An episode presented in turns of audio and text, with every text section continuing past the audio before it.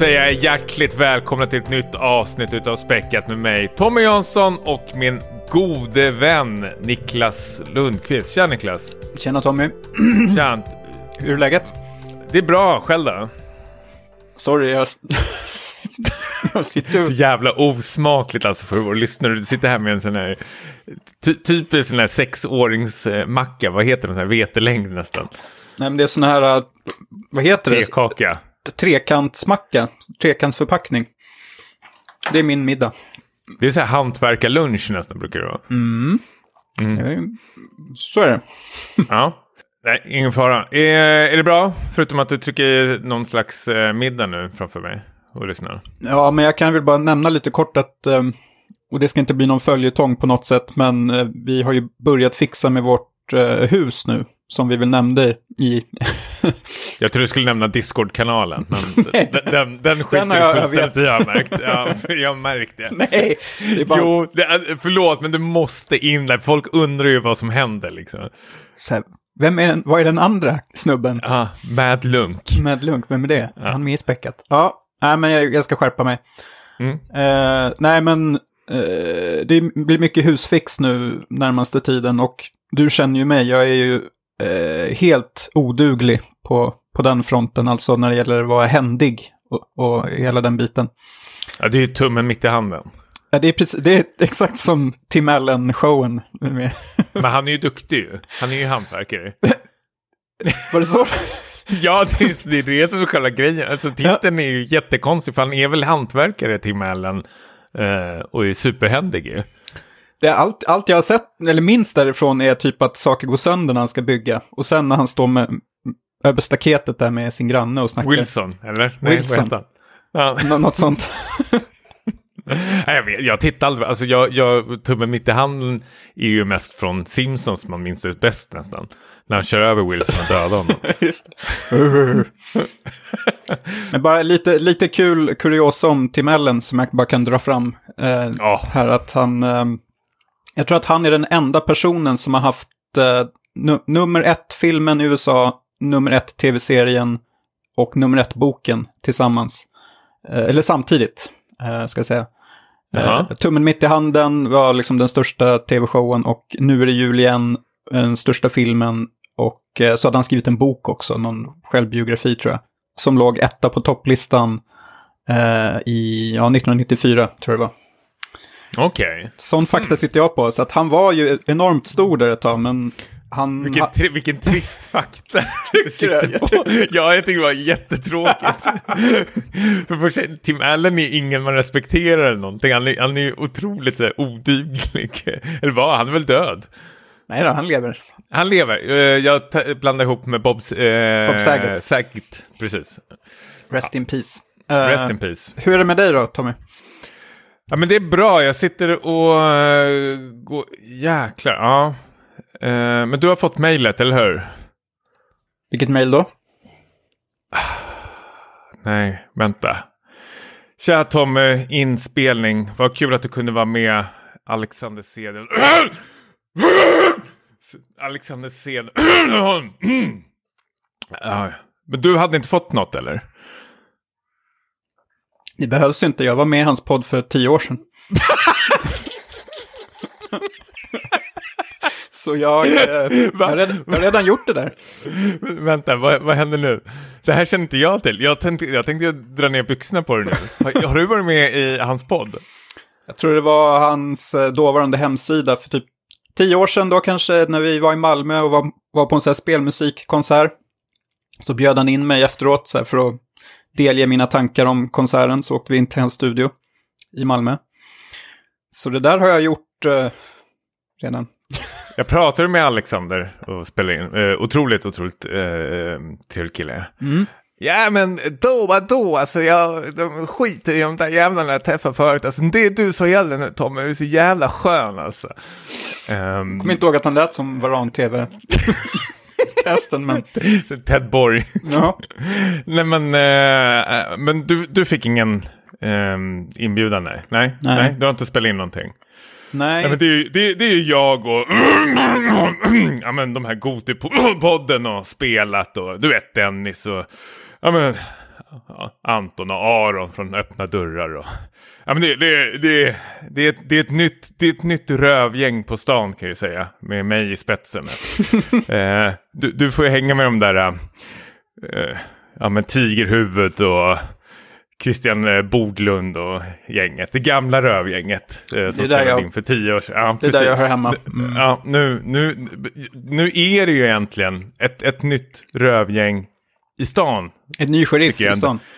Ja, men som gör liksom spelpodcast. Vi har ju späckat skryt. Mm. Vi har ju spelat Gotipodden. Alexander Cederholms nya Play One. Alltså det, det, det är en ny era liksom som bara dundras in just nu. Så du måste ju... Du, vi, vi har ju delat upp oss den här podcasten nu i liksom två läger. Liksom. Det är ju gamla skolan, du Niklas. och så den här nya fräscha Calvin Klein-skolan, jag. Eh, som inte har så mycket sådana Tim Allen-anekdoter men så mycket annat kanske. Ja, det är ett vägskäl vi står inför här nu märker jag. Du hänger med de här unga hippa och jag, ja, som sagt, sitter på gammal värdelös trivia. Och försöker lära mig bygga hus. Ja, så är det sant att du ska eh, gästa nördigt härnäst eller? Det är, detaljerna är inte klara än, men det, det passar väl mig som handen i handsken, tänker du eller? Ja, jag tänker. Eh, hörru, vi har ett eh, fullspäckat schema idag. Men jag tänker, vi, ska vi börja med lite lyssnarfrågor vi har fått? Eh, och det är så jävla härligt i den här uh, Discord-gruppen. Uh, det är ju allt från lister hit och dit. Men vi, men vi tyckte väl ändå det var en liksom, lista som eh, stack ut. Men som eh, kan vara roligt att ta upp i podcasten. Och jag tror du och jag, när du och jag har träffats så har ju vi aldrig gjort en Nintendo 8-bitars lista. Någonsin faktiskt.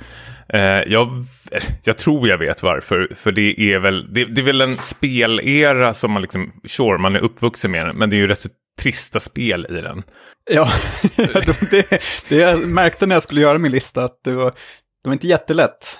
Uh. Nej, alltså, det, och det är ingen liksom att eh, skugga ska falla på liksom så Nintendo 8-bitar så själva spelen, men det, det är många av de spelen har ju inte åldrats eh, bra. Liksom. Jag tänker liksom eh, gapet eh, till, eller gapet mellan tänkte jag säga, men alltså hoppet till liksom, Super Nintendo, det är ju en sån otrolig liksom, eh, nivåskillnad på kvali kvalitativa spel och allting. Men eh, självklart har ju du och jag rotat fram eh, fem stycken var. Jag, jag tänker väl, eh, ska vi presentera våra lyssnares lista först, bara riva av dem lite som de skickar in. Ja, men vi kan, jag kan läsa här, för det var ju Johan då som eh, väckte den här idén hos oss när han skickade in sin topp 10-lista. Nedifrån kan vi ta då. På tionde plats Metal Gear, eh, plats 9 Tetris, plats 8 Punch Out, plats 7... Säger man inte Punch Out? Punch är väl en... Punch, det är något man dricker. punch Out. till alla dina asken. Ja. plats 7 The Goonies 2, plats 6 Fuck Sandu, Plats 5, Cobra Triangle, det gillade ju både du och jag. Se det. Eh, plats 4, Megaman. Plats 3, Castlevania 2, Simons Quest. Eh, plats 2, Metroid. Och etta, Zelda 2. Jag har Ett, två saker att säga här. Kontroversiellt etta kanske. Ja. Ah, mm, ja, vi får se. Eh, Cobra Triangle, Rares, jag vågar inte säga första spel, men ett av deras första spel i alla fall. Mm. Det kanske är första spel. Eh, otroligt, otroligt svår eh, kontroll vill jag minnas eh, till det. Det är det här racingbåtspelet där man ska ta igenom, alltså jag, jag kommer inte ens ihåg vad man skulle göra, man skulle skjuta andra båtar, ibland var det som lopp och ibland skulle man liksom, liksom slåss mot en bläckfisk. Liksom. Det var väldigt, väldigt eh, luddigt vad det gick ut på. Ja. Men det var ju musiken som var så helt eh, otrolig i det spelet. Eh, och därför kan jag förstå varför det hamnade så högt uppe. Ja. Håller med. Men jag undrar en sak. Eh, jag försökte ninja-googla på det inför avsnittet. Kom du ihåg vad som stack ut med Cobra Triangle-boxen? Eh, För jag kommer ihåg att du hade det här spelet. Alltså det enda jag minns är väl att man, det är en båt som kör mot typ någon så här vattenorm eller vattendrake eller något liknande. En kobra då. Ja, jag menar inte själva omslaget utan själva formen på boxen. Alltså, ja, den var ganska den liten, den var kvadratisk va? Precis, och jag, alltså man, man kallar det för sådär smartboxes eller någonting sånt där. Shortboxes tror jag det hette när jag googlade runt lite. Men jag har fortfarande inte hittat någon anledning till varför man har gjort dessa boxar, liksom, eller kartonger till eh, spelen. Hmm. Ja. Ja, det var, var det en bättre än din eh, Tim Allen? det är Det är gränsfall. en, lys- det är en lyssnarfråga. Ja, ja men vi, vi fick ju en till också från Ilyena som bara har eh, listat lite rakt av ser ut som Kung Fu, Mega Man 2, Super Mario Bros 3, Teenage Mutant Ninja Turtles och Metroid. Dessa är favoriter, inte spel jag klarat av såklart. Ja. Det var ju jäkligt svåra spel på den tiden, det, det kan vi ju definitivt skriva under på. Absolut. Eh, ska vi riva av eh, våra listor? Då? Ja, ska vi ta varannan, eller vad Ja, tänker men det du? tycker jag ändå. Plats fem då, till att börja med.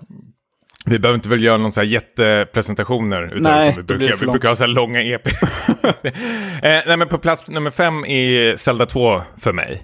Eh, och innan avsnittet så att jag faktiskt till och med och lyssnade på musiken till Zelda 2. Den är, den är helt otroligt. Och jag gillar ändå det här RPG-elementet som finns i Zelda 2. Jag tycker det är ändå rätt så underskattat spel. Det har åldrats bättre än det första Zelda.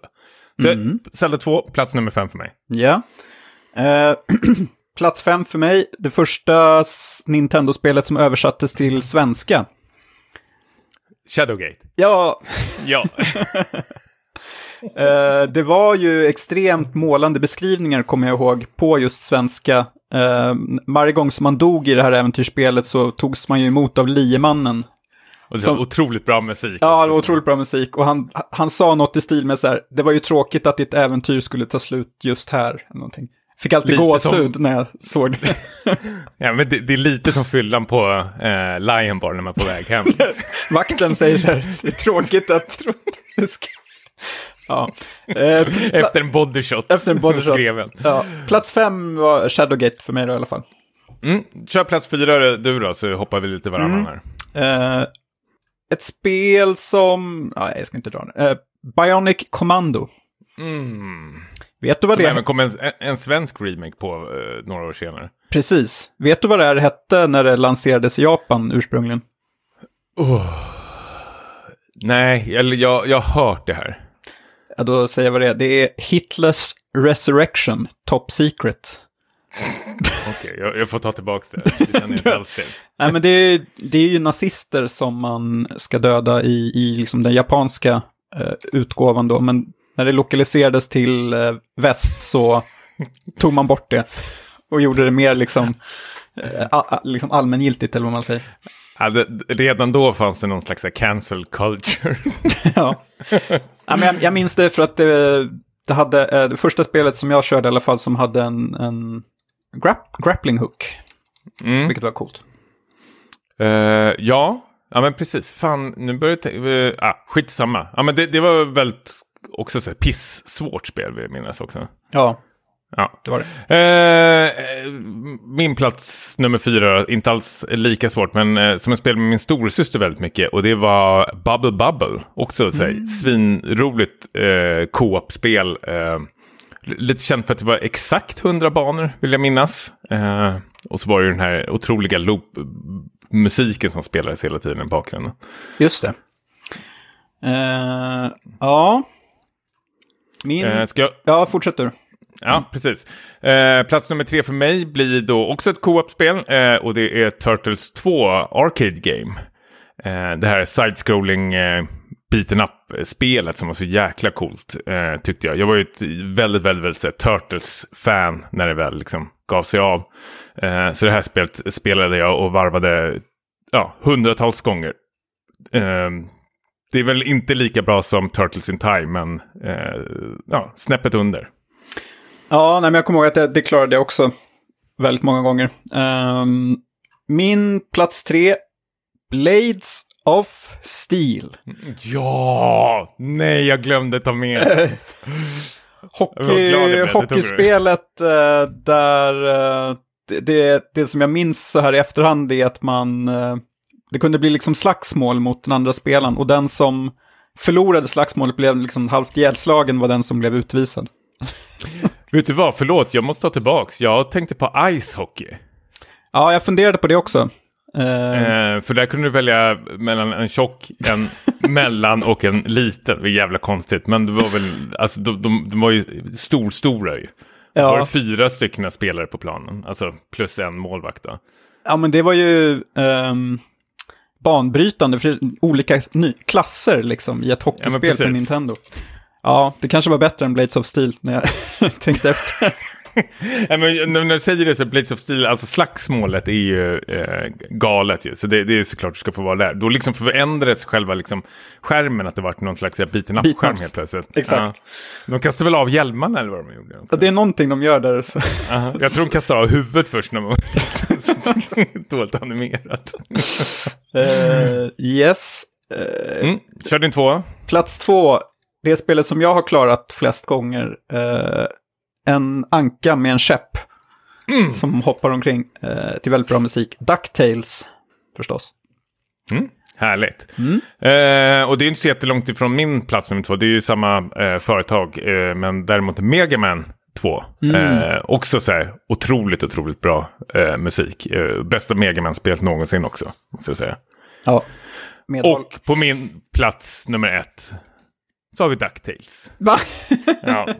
Eh, Det är också så, eh, galet eh, bra spel och jag tror jag spelat det igenom det här, tusentals gånger. Och bara månbanan måste ju typ vara en av världens mest liksom, här, ikoniska banor under NES-eran. Både musiken och den är uppbyggd och allting. Och det är någonting med den där käppkontrollen, alltså. Den var ju så jävla klockren alltså, när den kom ut.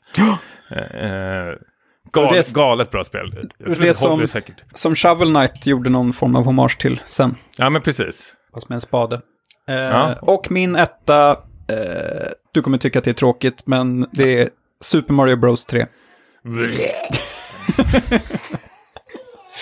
Varför?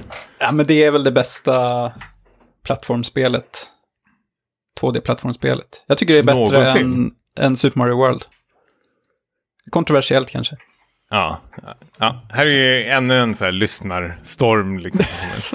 som, som kommer röras upp nu här på... Ja, först, först den usla Tim Allen-anekdoten och nu det här liksom, det, under ett avsnitt. Om jag hade haft Patreon så hade liksom... Bara, Alla droppat av nu. Ja, precis. Ja, men så kan det gå. Ja, tack, spännande. för, eh, tack för förslaget, Johan, på lista. Ja en, en, eh, en spännande grej vore ju att dra igång en SNES-lista sen. Ja, det vore det. Faktiskt. Det blir, får bli Eh, nästa steg nästan. Ja, nervös blir man om någon säger så här, nej vi, vi skippar det, kör eh, Sega Saturn.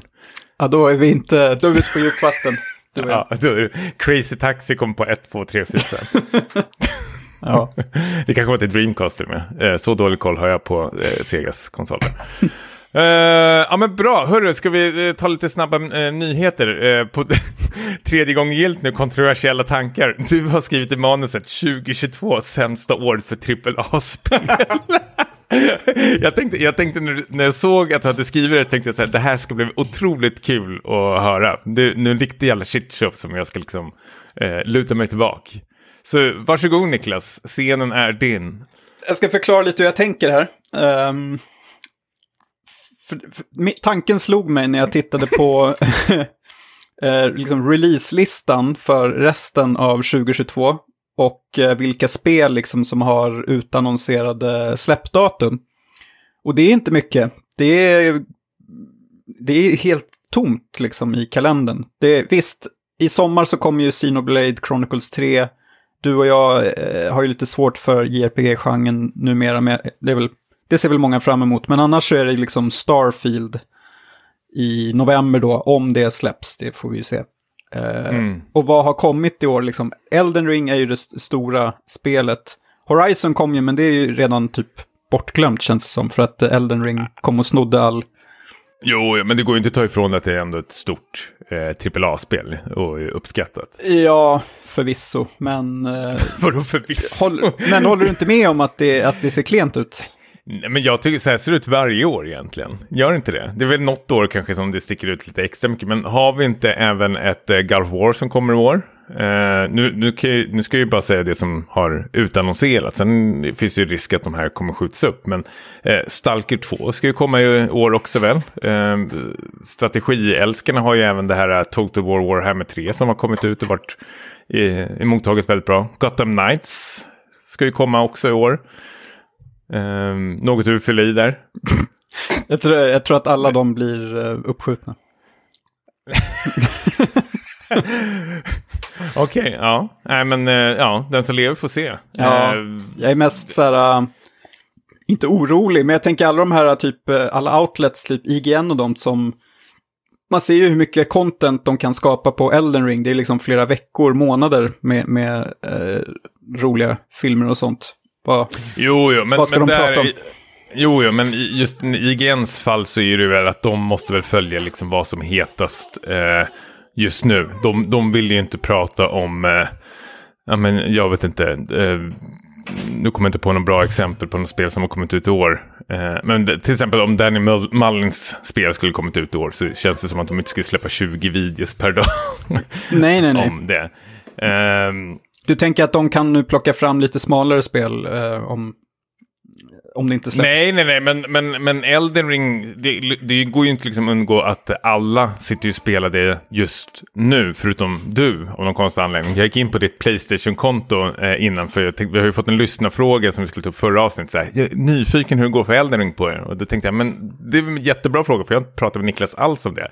Loggar in, tittar på ditt Playstation-konto, står det Senast inloggad 14 dagar sedan.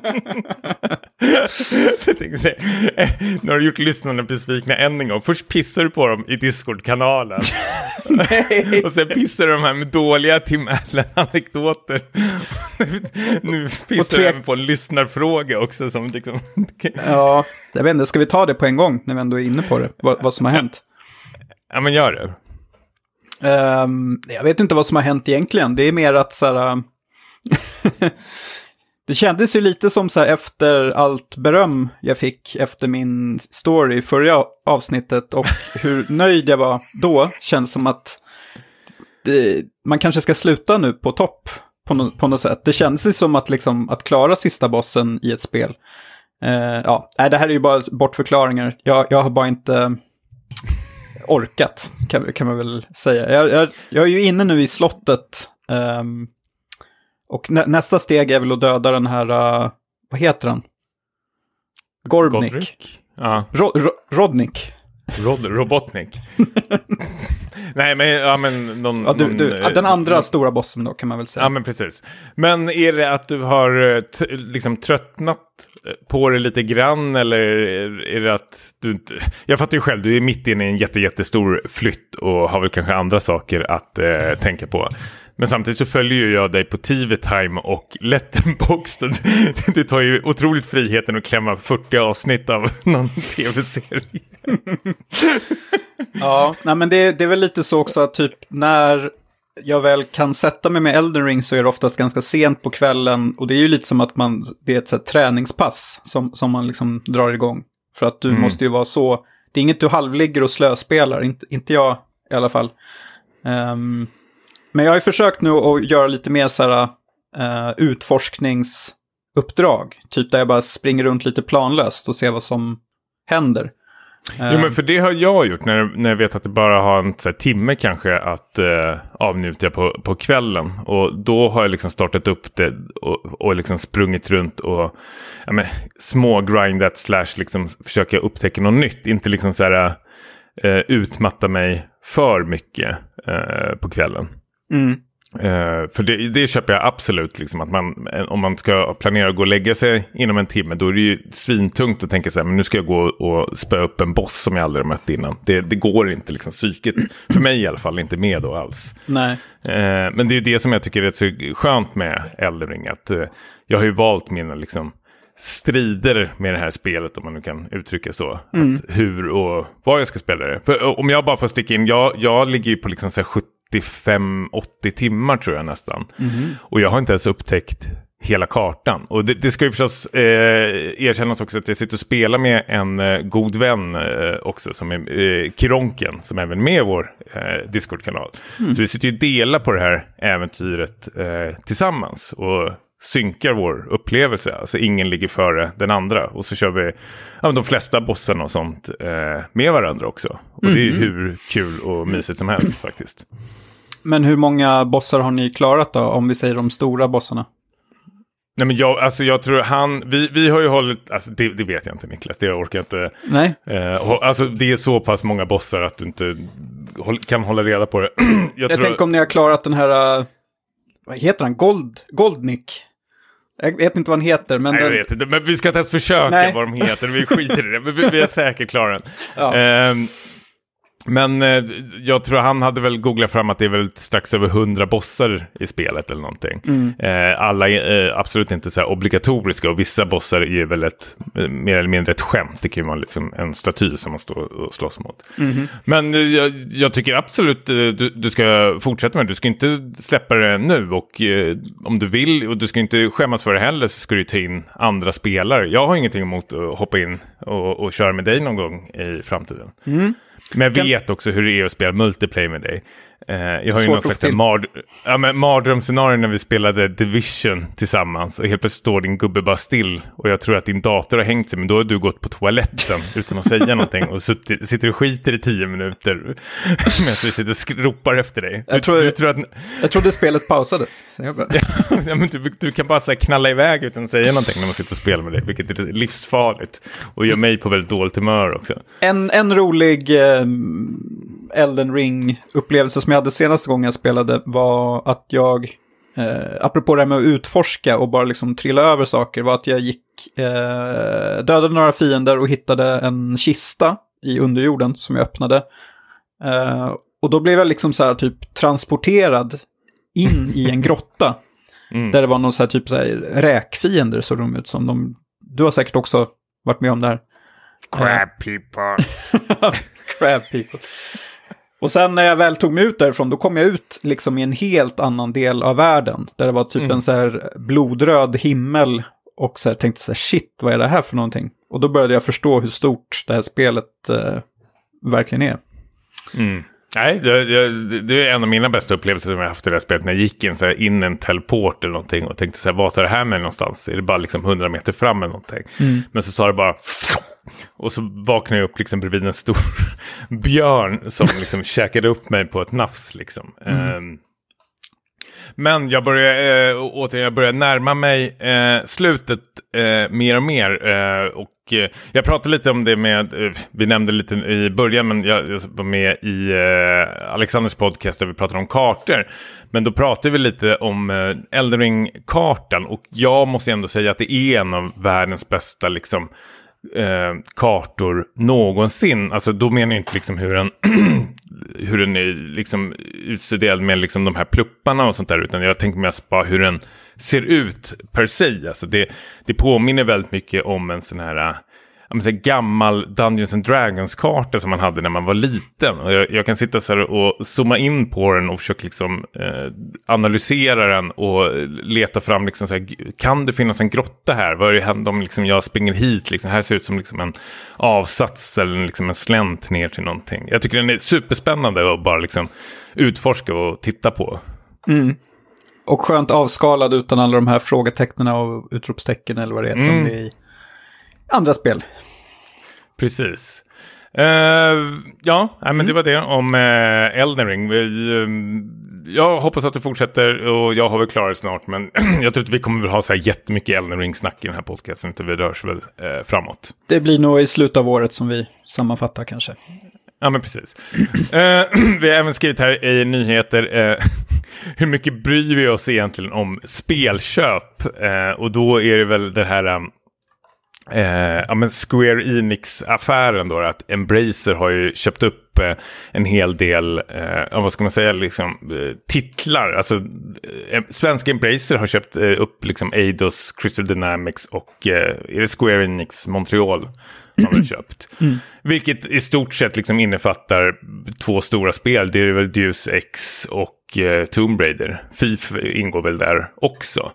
Men det jag liksom blir förbannad förbannad, men det jag liksom känner att över en sån här nyhet så bryr jag mig inte någonting. Alltså här kan vi snacka om att folk liksom blåser upp till något stort. Jag förstår faktiskt inte varför.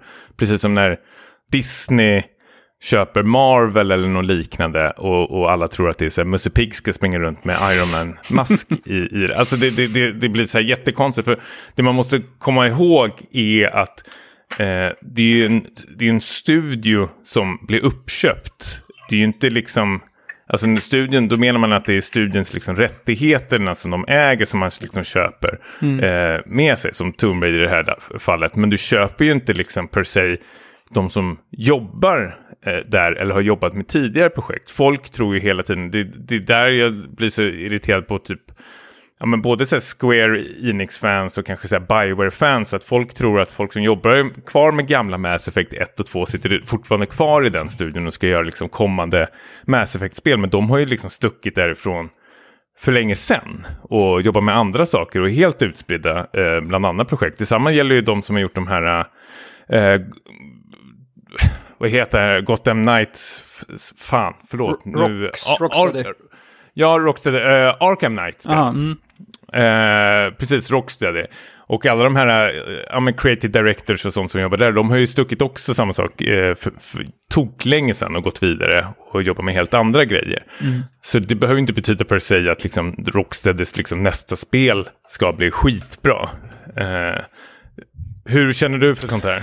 Eh, nej, men jag funderade lite på så här, eh, för det är väl lite som du är inne på, det är lite naturligt kanske från gamers att eh, eh, hetsa upp sig eller sparka bakut typ när, när någon blir uppköpt. Liksom. Eh, eh, att ja, nu, nu kommer de sälja sig eller bla bla bla. Men jag tänkte på så här typ med Konami så där kanske man hade önskat att de hade blivit typ uppköpta så att det hade kunnat bli nya Silent Hill-spel, kanske under ny ny, ny, nya utvecklare liksom. Och ja, fler, nya Metal Gear-spel. För där hade det ju, har det ju inte varit bra för oss som gillar de spelserierna att uh, de licenserna har liksom bara uh, slutat användas då. Konami. Jo, jo. Men, och det har du alldeles rätt i. Och, och där är det ju samma sak där att uh, du, du, måste ju tänka på att då vill man ju att en annan studio ska köpa själva IP't. Mm och liksom ta hand om det och göra någonting utav det. Men det är ju som, liksom, vad fan... Eh, jag, undrar var, varför just det här händer enbart i spelbranschen. För liksom, så här pratar man inte till exempel när det kommer till eh, filmbranschen eller någonting. Du, du säger ju inte att Fox har köpt upp rättigheterna på den här filmen och då tror man att David Fincher eller typ mm. James Cameron ska göra det här. Men de är ju liksom frilansare de också och hoppar mellan olika produktionsbolag och har sina egna produktionsbolag. Mm. Och för de har jobbat med Fox en gång tidigare så förknippas inte de med Fox överhuvudtaget liksom. Förutom kanske Alien-filmerna de har gjort. That's it. Mm, precis. Eh, och det, det, alltså, det är ju väl bara Kojima och Miyamoto och sen det är väldigt många till som har det här ansiktet utåt som är en, en person. Ett, ett namn, ett eget namn liksom. Ja. Men ofta så pratar man om alltså, en studio som en studio per se liksom, när det kommer till spelbranschen. Och det tror jag är bara så livsfarligt och blir väldigt så här, skevt faktiskt. Ja, man, att sätta upp de här uh, företagen på piedestal och känna liksom så här, ja men de här, de gör alltid mästerverk, men vi vet ju inte vilka som ligger bakom.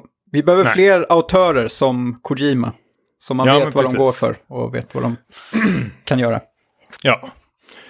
Uh, mer då. Uh, otroligt tråkigt. Warcraft mobilspelet. Ja, Eh, jag är ju inte jätteintresserad av eh, Blizzard överhuvudtaget. Men jag tänkte att det skulle kunna vara... Kanske kan bli bra content om jag testar det här mobilspelet sen när det väl släpps. Och säger vad jag tycker. Jag tror inte jag har spelat, för det är väl ett Tower Defense-spel. Jag vet inte om jag spelar något sånt heller. Jag fattar, jag fattar inte. Jag tyckte det såg ut som så Clash of Titans-spel. Eh, Free to play liksom. Blandat med så här uh, autochess. Jag, jag, är jättedåligt insatt. Jag är, precis, jag, tycker, jag är inte dugg intresserad av Warcraft-universumet. Däremot är jag, eh, älskar ju Diablo-spelen. Eh, mm. Och eh, där har vi ett annat mobilspel som ska komma alldeles snart som heter Diablo Immortal. Eh, som ska även släppas på PC eh, samtidigt. Mm -hmm. Får se hur det funkar. Men det är väl i alla fall lite sugen på om jag måste välja något spel. Men jag spelar aldrig något spel på telefonen. Aldrig. Nej, inte jag heller. Jag testade um, att spela lite på paddan när jag hade det här uh, Apple Arcade, men det blev inte av så jäkla ofta heller. Den var inte så skön att hålla i och spela. Uh. Nej, däremot kan det funka väldigt bra på Apple TV och streama in det. Då har mm. jag inga problem uh, alls. Men jag, de enda spelen jag provar på, eller spel på paddan, det är sådana här, vad heter det, pixelpusselspel. Mm. Om du vet vad jag menar. Man ja. fyller i färg på pixlar. Det är rätt så skönt med en sån där Apple Pencil och så sitter man bara och trycker. Eh, då funkar det bra som helst, men att sitta och spela jag vet inte, JRPG-spel eller vad fan som helst. Alltså plattformsspel, det är, jag vet inte, jag kastar ut genom fönstret. Ja, ja men um, kommer du köra Diablo Immortal? Är det free to play för övrigt? Vet du det? Ja, det är free to play och jag har köpt en liten sån där protes till min Playstation 5-kontroller nu. Eh, om du har hängt i Discord-kanalen så har du sett kanske att jag la upp en sån. Nej, du bara skakar på huvudet. eh, men det är en liten grej, du sätter på Playstation 5-kontrollen och sen lägger du liksom den här eh, telefonen på den här protesen så det är som ett liksom Eh, den håller upp den och då är det liksom, du spelar bara med en blåtand. Och det är rätt så skönt faktiskt. Jag provar bara några eh, små så här, bilspel och sånt där. Det funkar jättebra. Eh, så det ska bli jätteintressant att se hur det funkar med ett spel som jag verkligen vill spela eh, faktiskt. Eh, så jag får återkomma till det. Ska vi gå vidare till vad vi har spelat för någonting?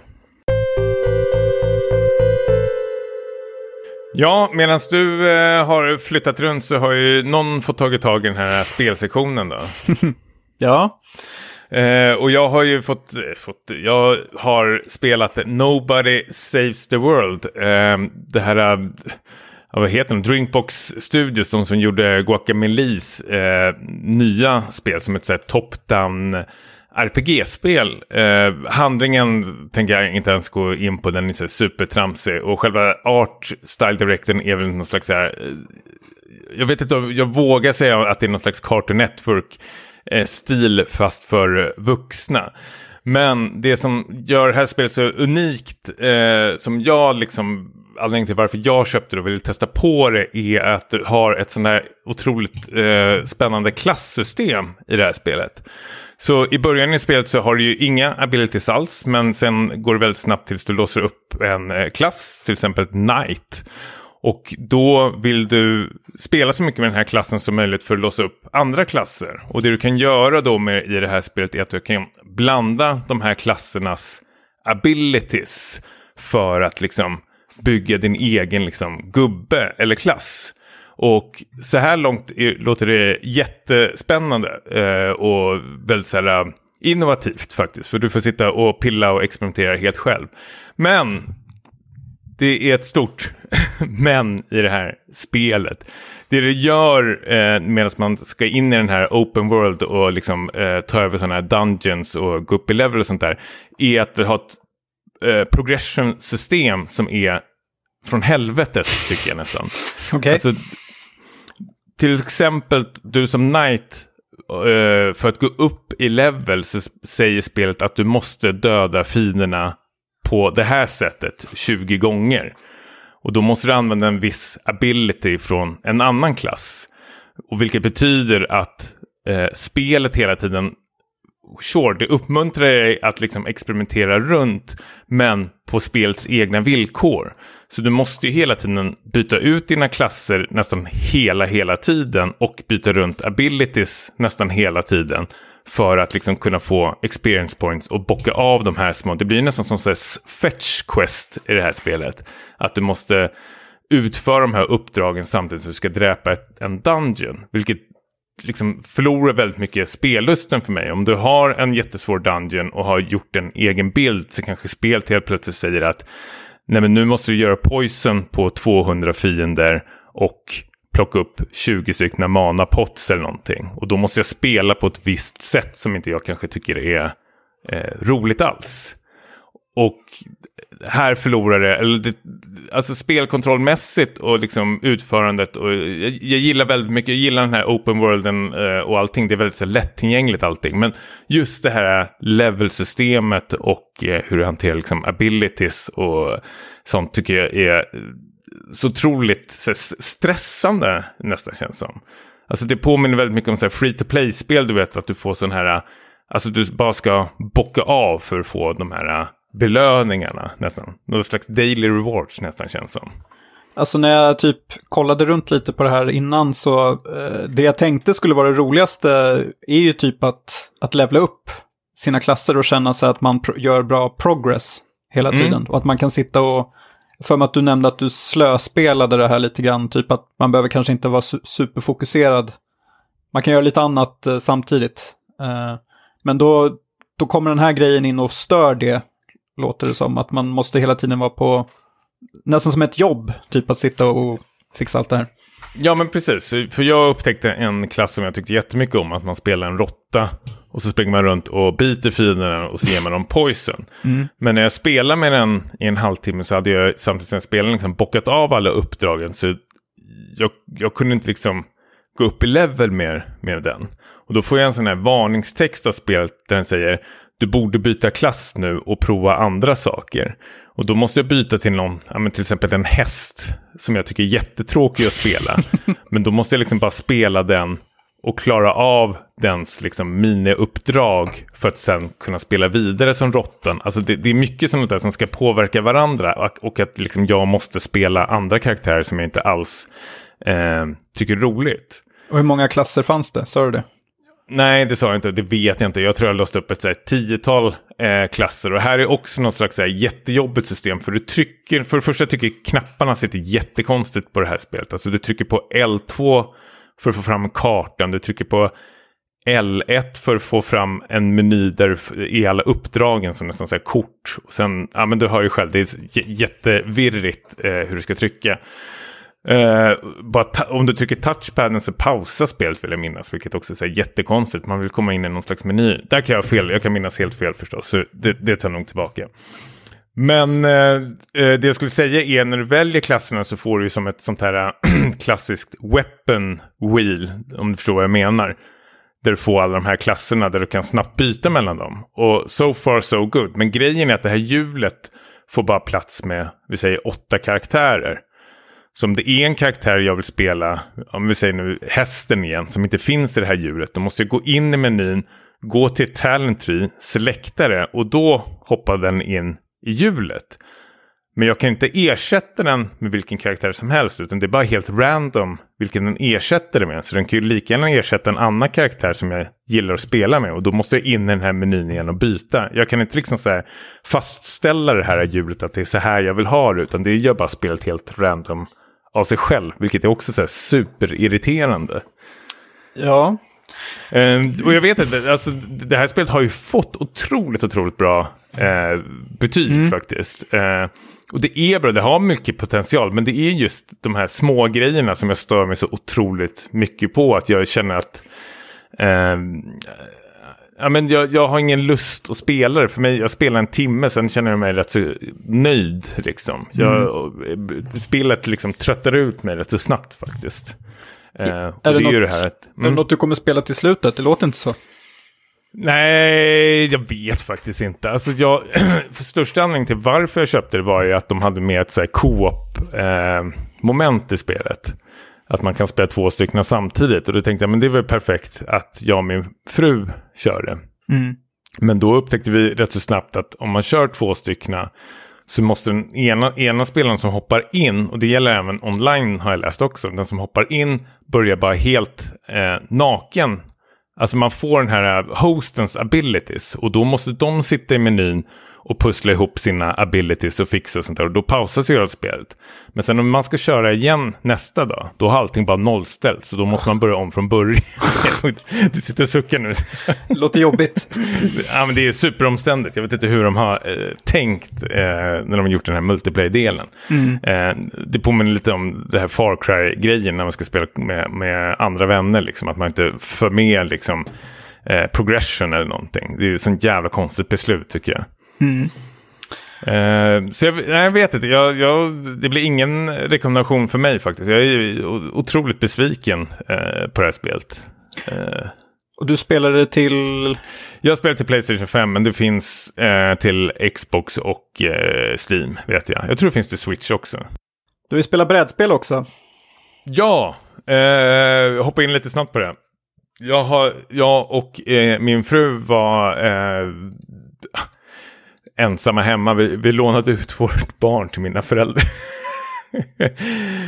och eh, jag köpte faktiskt Stardew Valley eh, det här, ehm, ja, det behövs inte med någon så här superintroduktion, men det är väl uh, Harvest Moon uh, Indie-spelet, om man ska säga lätt förklara, uh, där du ska ta hand om din gård. Uh, det här är brädspelet, uh, baserat uh, i stort sett samma liksom, princip som ehm, eh, originalspelet. Att du, har, du får fyra uppdrag av din farfar som du ska genomföra. De är helt random. Plus att du får sju hemliga uppdrag ifrån eh, den här staden som du liksom ska låsa upp genom spelets gång. Och eh, då är det precis som i eh, riktiga spelet också att du har ett år eh, på dig och du ska ta dig igenom de här fyra eh, årstiderna. Och det påverkar liksom skörden och även liksom så här, vissa event och sånt. Så, alltså spelet har ju tagit med allting som gjorde det här stora essensen med originalspelet. Att du har, även, du har den här grottan, du har townspeople som du eh, kan bli vän med, du kan gifta dig med dem, eh, du kan fiska, du kan mina, hugga träd och allting. du kan uppgradera dina ja, men, yxor och, och sånt också. Och det som gör det här så otroligt unikt, är väl dumt att säga, men roligt är, är att det är ett co-op-spel. Mm. För antagligen en till fyra spelare. Så jag och min fru körde och vi styrde två eh, karaktärer var. Eh, så det var ju fyra liksom, spelare på planen och det funkar hur bra som helst. Och det var supermysigt. Det tog eh, kanske två till tre timmar att eh, ta sig igenom det här spelet. Men det är ju väldigt, väldigt här, strategiskt spel att du tillsammans med dina medspelare ska sitta och diskutera hur dina framtida drag eh, ska se ut. Vad bör vi satsa på den här omgången? Borde vi skörda? Borde vi liksom mina? Ska vi liksom eh, ge present till någon av de här townspeople för att få något tillbaka? För Spelet är väldigt, väldigt, väldigt stressigt och jag har läst flera eh, recensioner där folk har skrivit att de har många som har köpt det har fått för sig att eh, det ska vara ett sånt här mysspel och det är, det är väldigt mysigt, alltså bara man tittar på det. Men tiden är knapp, du arbetar hela tiden emot eh, klockan som är din värsta fiende här. För att fullfölja de här uppdragen. Och den här farfan och townspeople är ju väldigt kräsna att du måste ha klarat alla uppdragen. Annars kommer det här corporate business att ta över allting. uh, och uppdragen är... Alltså till, till en början så är det, tänker man, tänkte vi på direkten att hur ska det här gå liksom? Vi, kan vi ens liksom fullfölja ett uppdrag? Det, det verkar helt omöjligt. Men desto mer liksom spelet kör och man hoppar mellan de här eh, säsongerna och sånt där så börjar man liksom låsa upp nya saker i spelet och spelet per se öppnar upp sig mer och mer faktiskt. Och du märker hur du kan liksom utnyttja de sakerna för att liksom, eh, kunna klara av de här uppdragen. Mm. Eh, så det här spelet eh, är absolut en eh, rekommendation från min sida om man har någon så partner hemma. Att är det jättemysigt att dela en flaska vin och sitta och spela här med. Mm. Vänner, äh, Va? Va? Vad gjorde du? Nej, jag sa, det är inte så kul att spela med vänner kanske. Jaha. tittar jag på dig. Nej, men du, du får jättegärna komma över med eh, din, din eh, käresta och spela med oss. Jättegärna. Det såg mm. jättemysigt ut. Ja. ja, men det rekommenderar jag verkligen. Ja, jag har ju inte spelat eh, så mycket, men jag har bränt av eh, en hel tv-serie nu här sen sist. Och det är ju då Severance som är den hypade Apple TV Plus-serien som är skapad av Dan Eriksson och regisserad av framförallt eh, Ben Stiller som gjorde Escape from Dannemora för ett par år sedan. Och Zoolander. Och Zoolander. Precis, känd från Zoolander. Um, ja, jag tänkte fråga dig först här, för jag ska hålla mig väldigt uh, knapphändig med information. Hur mycket vet du om den här serien, om själva premissen? Ingenting nästan. Jag, jag, känner jag har inte ens tittat på um, trailern till den. Mm. Uh, jag, jag, måste, jag, måste ändå ja. prata om själva konceptet, för mm. det, det, det, uh, det, blir svårt annars. Men uh, man kan väl säga att premissen, det här är väl lite av en så här kontorssatir, typ ehm, till en början i alla fall, med lite så här Black Mirror möter The Office kanske, med lite drag av eh, så Spike Jones och Being John Malkovich, lite så här eh, skruvad, humoristisk ton eh, som går igenom serien. Där den här Adam Scott, eh, som främst är väl känd som, för sina komiska roller, han spelar den här arbetaren då som eh, jobbar på företaget Lumon Industries som har som krav då att om du ska arbeta där så måste du eh, genomgå ett, eh, ett kirurgiskt ingrepp som innebär att eh, du, eh, du delar liksom din personlighet så att eh, i, i, två kan man säga. Så att det blir ett arbetar-jag och ett eh, liksom fritid-jag. Och den arbetaren som jobbar på det här företaget vet inte vad, vad den andra personen, eh, din andra hälft, gör för någonting eh, liksom hemma. Så, och vice versa. Så det är liksom ett, ett väldigt så här, dystopiskt eh, koncept som de ehm, eh, leker med i den här serien. Som jag tyckte var väldigt spännande.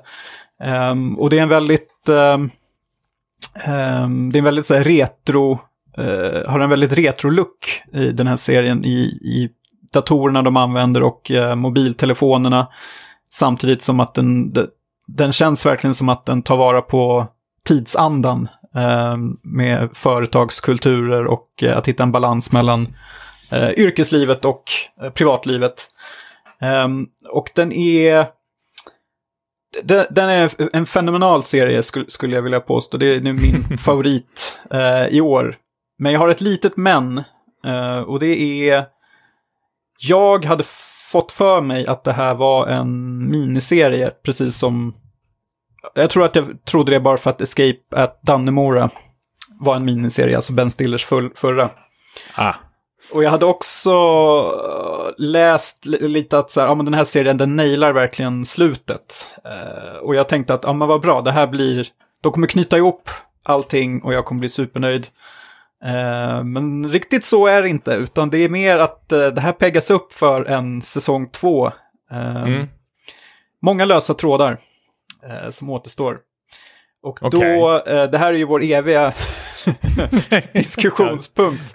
Kokar det mig redan nu. Ja, ska man hoppa på nu som jag har gjort eller ska man vänta och se vad som händer?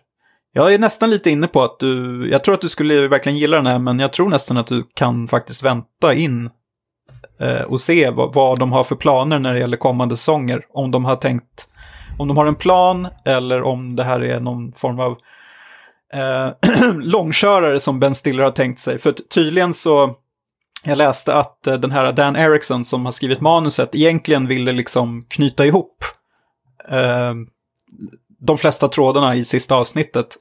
Men att Ben Stiller sa att nej, nej, du, du kan inte liksom berätta för mycket för vi ska göra fler säsonger av det här. Okej, okay, ja. Så vad känner du när du får höra det? Är det liksom att du tappar peppen lite eller? Nej men jag visste ju redan det här. Så mycket visste jag att det inte var en eh, miniserie. Men däremot blir alltså, vi återigen har pratat om det här tusentals gånger. du, du har ju sagt till mig att du, du blir ju det du hatar nästan själv. Att jag inte liksom, om jag inte tittar på det så kommer du inte fortsätta den här tv-serien. Jag är en del av problemet. Men nu uppmuntrar du mig ändå att... att Vi går fram och tillbaka, tillbaka här. Liksom. Alltså, det, är så, det, är så, det är så skevt förhållande du och jag har i den här podcasten tycker jag. Ja. uh, Vi kan inte bestämma oss. Nej, uh, jag är jättesugen på den. Men... Uh, ja, vad fan ska man göra egentligen? Nej, men, för, mig, säga, just, alltså, mm. för mig var det, som sagt, jag bara, jag eh, bingeade i princip den här serien. Jag tyckte den var så bra att jag, liksom, jag ville se avsnitt, nästa avsnitt direkt. Uh, så det, det, gick ju snabbt att ta sig igenom den. Uh, och jag tyckte att den var fantastisk, som sagt, rakt igenom. Um, så jag...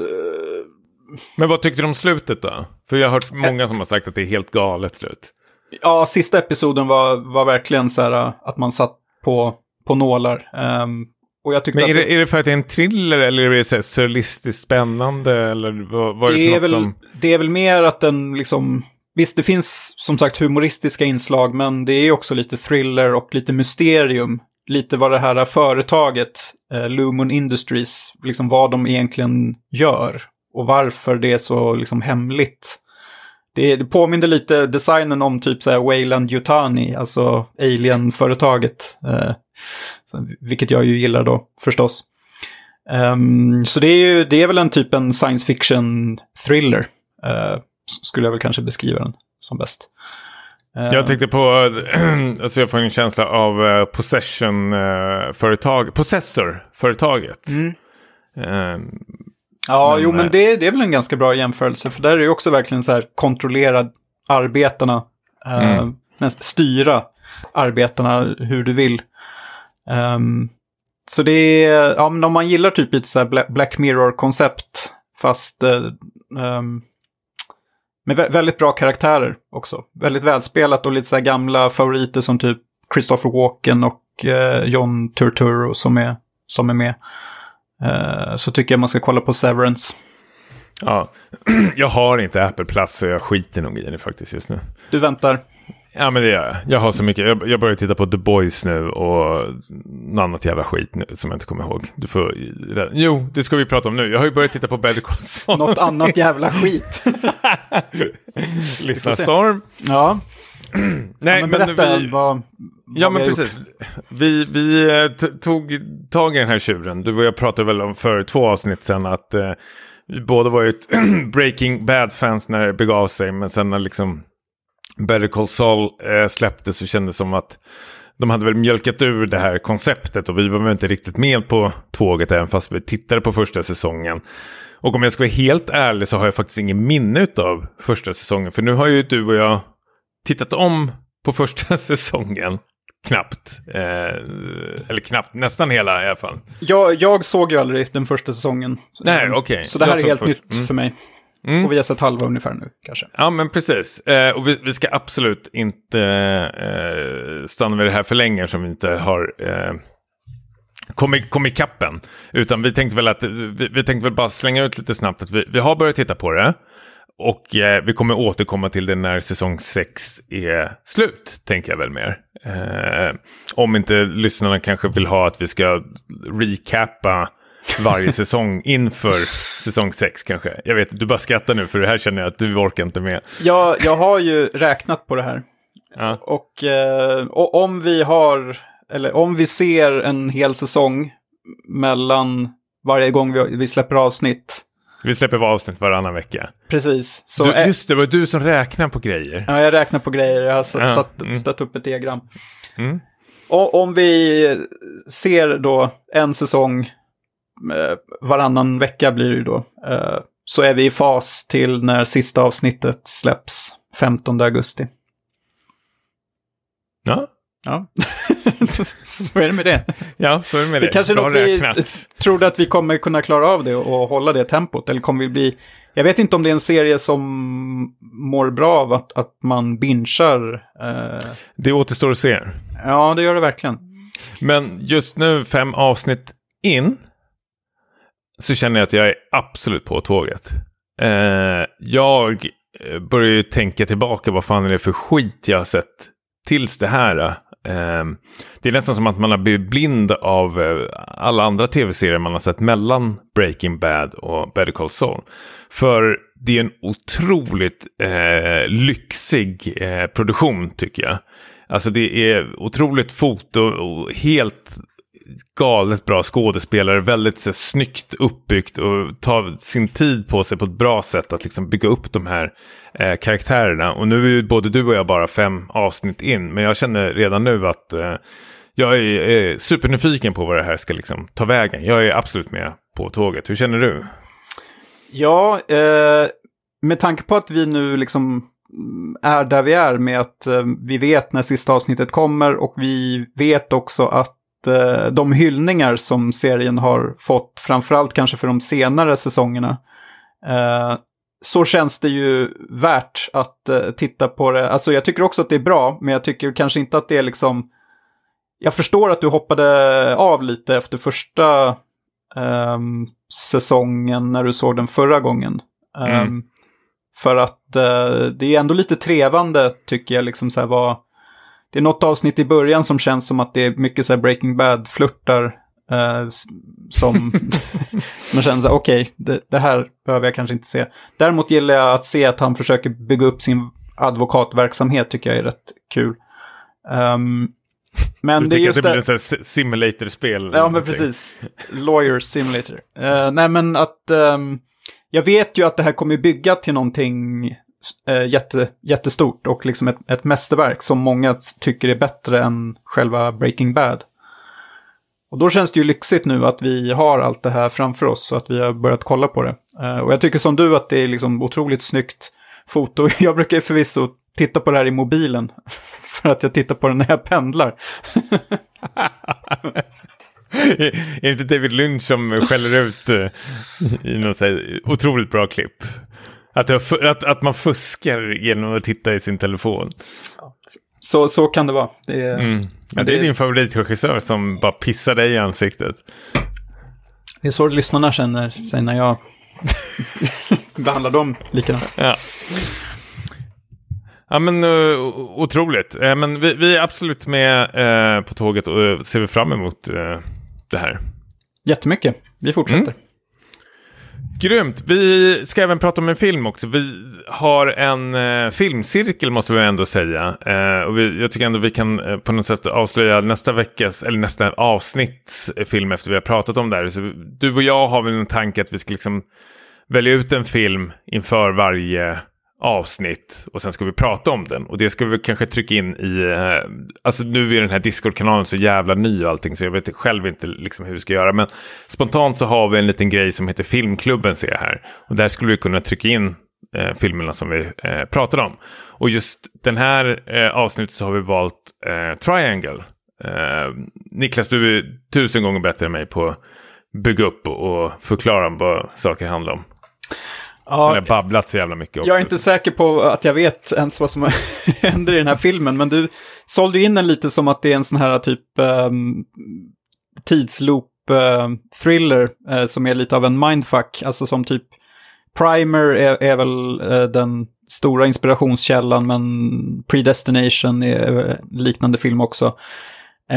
nej men då, vi följer i alla fall en, en eh, Eh, ett gäng ungdomar, eller vad man säger. Ungdomar är de kanske inte, men de är unga människor som ska ut på en båt, en lyxjakt, och eh, råkar ut för någon form av storm där, och håller på att bli skeppsbrutna. Sen så eh, hittar de då, eller de blir liksom upplockade av en stor, eh, ett stort kryssningsfartyg eh, som de eh, går i, eh, ja, hoppar i land på. Och eh, visar sig att det inte står helt rätt till här och att eh, de behöver ta sig ifrån fartyget på något sätt. Jag vet inte vad... jag vet inte hur mycket man ska avslöja. Det, alltså, det är ju någon form av tidsloop som det här fartyget befinner sig i. Så mycket måste man ju kunna säga. Ja men precis, det är väl någon liten eh, nästan farfars paradox. Eh, kan man säga som det rör sig om här. Mm. Eh, där vi får följa den här huvudskådespelerskan då, som ska lösa det här tidspusslet eh, på båten. Mm. Och eh, alltså själva... Alltså det, det, här är ju sånt som kanske säga eh, tids och rumsexperterna som han som gjort Primer, nu glömmer jag bort vad han heter, och Color of Time heter den väl också, eh, som är typ någon sån här superprofessor i typ så här metafysik och hela eh, kittet och Christopher Nolan. Alltså de, det gänget, när de sitter och tittar på den här filmen tror jag, så gäspar de nog. För att för den är för, för enkel? Uh... Ja, för den är ju väldigt så här, simplifierad. Eh, men det var det jag tyckte var så skönt, för jag visste ingenting om den här filmen när vi eh, skulle titta på den. Det, jag tyckte det var så skönt att få en tidsloopsfilm som var ändå rätt så linjär utav mm. sig. Mm. Och även ett väldigt så här, tillfredsställande slut. Att den ändå så här, knöt ihop eh, säcken på ett sätt och lämnade inte så här, jättemånga lösa trådar bakom sig. Eh, som ofta sådana här um, eh, ja, men, ja, men tidsloops-filmer eh, kan göra eftersom de är nästan helt omöjliga liksom, att sitta och förklara. Jag tänker nu så att senast eh, Christopher Nolans Tenet var väl typ... Fatt, fattar man typ, ja, men fattar man typ så här 2% medan Triangle eh, framstår som eh, min eh, son har gjort det nästan. ja, Och jag vet inte om jag hängde med riktigt i slutet på Triangle, vad som, vad fan som hände. Um, men, um, men jag håller med dig, alltså den, det är ju lätt att följa och liksom, den känns ju nästan lite så här äh, tv-spelsmässig på ett sätt att så här, hon, hon eh, kom ju djupare och djupare in i den här tidsloopen men eh, ja, det blir ju det här måndag hela veckan också att hon hela tiden lär sig lite mer till nästa tidsloop på något sätt. Fast ändå inte, för det är liksom nya problem som uppstår. Eh, och det är ju Eh, till viss del en typ skräckfilm för att det är ju vissa bilder som är riktigt starka och uh, det, det, finns en, en scen uppe på däck. Men jag tror du vet vilken jag tänker på.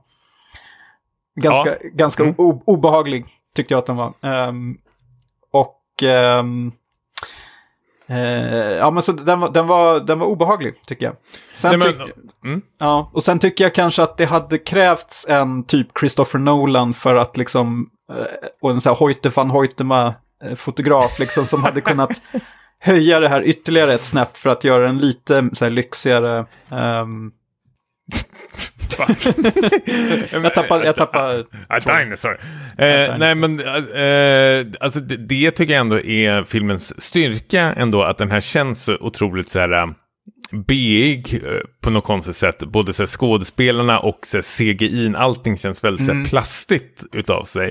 Men det, det de så skickligt gjort är väl ändå att de har eh, lyckats um, skapat ett, liksom ett mysterium som får mig som tittare ändå att skita i sånt uh, runt omkring. Jag fattar ju själv att det här är ett gäng liksom piss, då, dåliga ska man inte säga, men det, det är väl absolut inte så stora etablerade skådespelare som är i den här filmen och, och regissörer och allting. Chris, alltså, Chris, Chris Hemsworths lillebrorsa är väl typ det mest kända. Ja, men precis. Eh, Liam Hemsworth.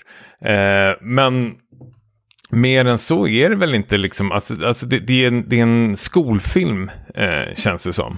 Eh, och en väldigt bra sådan. Och jag blev, rätt, jag blev väldigt glad när jag eh, såg den här. Det är liksom nästan som man såg sådana här eh, ja, men liknande skolfilmsprojekt när man var så här, i gymnasieåren. När så här, en Aronofskysk eh, Requiem for a Dream eller Eh, Donnie Darko, Richard Kellys eh, Donnie Darko. Okej, okay, visst de två filmerna är förstås i en helt annan nivå. Men det, det kändes ändå som att den, den ville väldigt mycket med, med väldigt så här, små medel.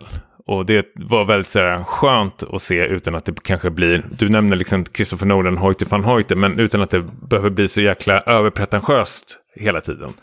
Um, och det tyckte jag ändå var rätt så skönt. Eller jag, jag var på det humöret när jag såg den här filmen.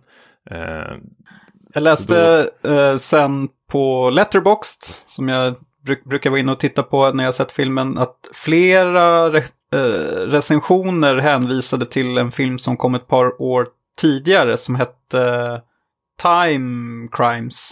Mm, den spanska span filmen. Ja, precis. Har mm. du sett den? Ja, jag har sett den. Den är svinbra. Um, Precis, och de tyckte att de, de var ganska snarlika. Um, men jag blev sugen på att se Time Crimes också nu efter, efter att ha sett den här Triangle. Mm. För, för ja men Time Crimes har ju också en sån här mördare som springer runt med någon slags huvudbonad mm. eh, som ser ut som nästan en trasa som man har eh, klätt på sig. Eh, den är också otroligt, otroligt bra. Jag kan absolut se eh, likheten eh, mellan de här två.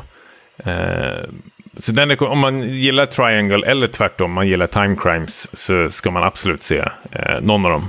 Eller båda. Mm. Och sen om man vill djupdyka då är det bara att sätta sig och titta på Primer. För ja. där har vi någon slags, där, där är väl ändå eh, tidsloopsfilmernas eh, crème de la crème. Ja, verkligen. Eh, Den gillar faktiskt. vi. Ja. Härligt. Eh, och till nästa avsnitt, vad ska vi se då Niklas? Ja, då har jag valt en film som eh, inte är en tidsloopfilm, men som har fått bra kritik i alla fall. Eh, och det är eh, Relic, som är en sån här elevated horror-skräckis. Eh, alltså skräck som är lite finare i kanten, kan man väl säga. Hereditary. Eh, den där jämförs med Hereditary, så det, eh, hoppas väl på, på något liknande. Um, och den kommer vi se på strömningstjänsten Cineasterna. Precis, jag ska också säga att om man inte har cineasterna så går den att hyra på Google Play, Apple TV och eh, via Play också. Eh, eller man kan också köpa den på SF Anytime har jag sett. Eh, för 49 kronor. Ja. Så den finns lite utspritt överallt. Eh, Relic som sagt.